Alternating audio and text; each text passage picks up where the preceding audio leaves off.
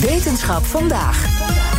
Een internationaal team onder leiding van astronomen van de Universiteit Leiden heeft met behulp van de James Webb-telescoop, daar is hij weer, verschillende moleculen in ijsvorm aangetoond op de donkerste en koudste plekken van een grote stervormingswolk.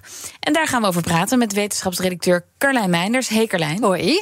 Waarom zijn ze zo geïnteresseerd in die moleculen in zo'n stervormingswolk? Dat komt eigenlijk vanuit een interesse uh, voor de bouwsteentjes van het leven. Dat waaruit wij bestaan, waar het aardoppervlak uit bestaat. Er zijn een paar elementen, uh, zo'n vijf, die echt essentieel zijn: koolstof, waterstof, zuurstof, stikstof, zwavel.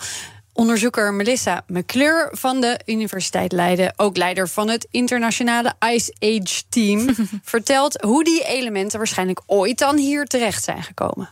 it really looks like those elements were carried to Earth as ices from bodies like comets or maybe, maybe asteroids. And the evidence for the ices in those comets is that they seem to have originated in this very cold and dense cloud of gas and dust that the, the solar system collapsed from initially. Als je die ijsdeeltjes dan wilt bestuderen, die dus ooit in zo'n donkere gaswolk moeten zijn ontstaan, helemaal aan het begin, dan moet je gaan kijken in een vergelijkbare wolk. Nou, daar zijn er meerdere van, dus dat kan gelukkig. Uiteindelijk met dit idee. then we would be able to say something about what the potential composition of, of ices and other planetary systems would be. And that could say um, something about whether we would expect to see the potential for, for habitable planetary atmospheres in, in those systems. Ja, het vinden en bestuderen van die ijsdeeltjes, waar bestaan ze uit, hoe complex zijn ze, zegt dus iets over de planeten en hun atmosferen die nog gevormd moeten worden in het donkerste donker van zo'n gaswolk. Collega Harold Linnarts vult aan. Heel donker betekent heel koud. Het betekent ook behoorlijke tijd voordat nieuwe sterrenplaneten worden gevormd. Dus door deze meting zijn we in staat in een gebied te kijken waar we eigenlijk nog niet zo heel veel van begrijpen hoe daar zeg maar, de chemie plaatsvindt. Nou, en die chemie in de ruimte die is heel anders dan de chemie op aarde. Je moet voorstellen, op aarde botsen deeltjes duizenden keer per seconde. En de ruimte één keer per twee weken. En als je een chemische reactie wil hebben, dan moet je drie deeltjes laten botsen in de gasfase. Nou, die kans is heel klein.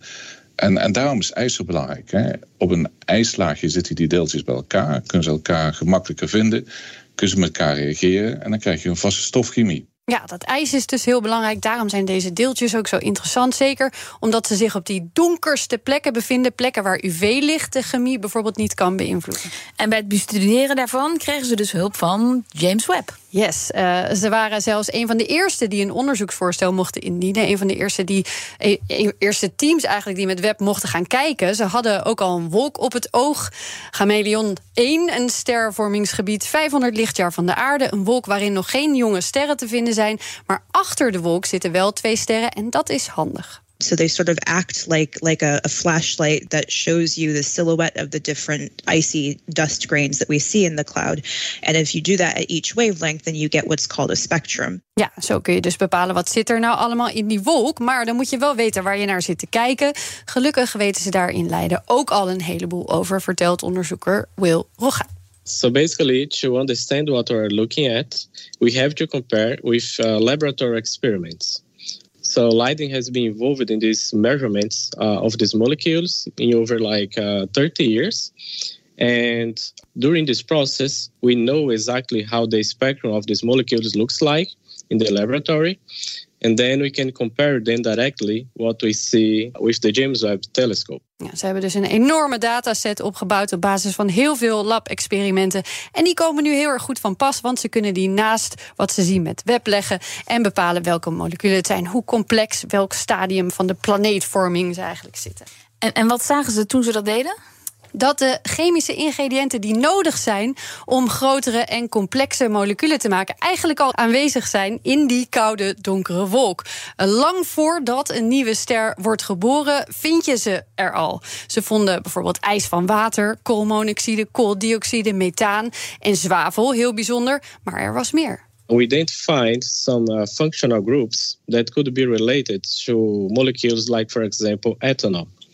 I would say ethanol is a molecule that's very close to everybody because of the alcoholic drinks people like to drink. So this is one of the molecules that we possibly uh, identified in this research. Dus ze hebben gewoon alcohol gevonden. Ja, ze denken dat ook te kunnen zien in die gaswolk, inderdaad. Dus, dus ook helemaal aan het begin zijn uh, voor astrochemici uh, hele complexe moleculen al aan het vormen in die gaswolk. Het zegt iets over hoe de bouwsteentjes elkaar vinden, hoe ze reageren. En uiteindelijk mogelijk het begin vormen van toekomstige planeten en hun atmosfeer. Nou willen ze ook nog gaan kijken op andere plekken in die wolk en op verschillende momenten eigenlijk in de ontwikkeling van die deeltjes. Eigenlijk willen ze hun leven volgen en kijken wat gaan ze dan worden. Nou, daarvoor moeten nog wel een paar observaties met web worden gedaan in februari.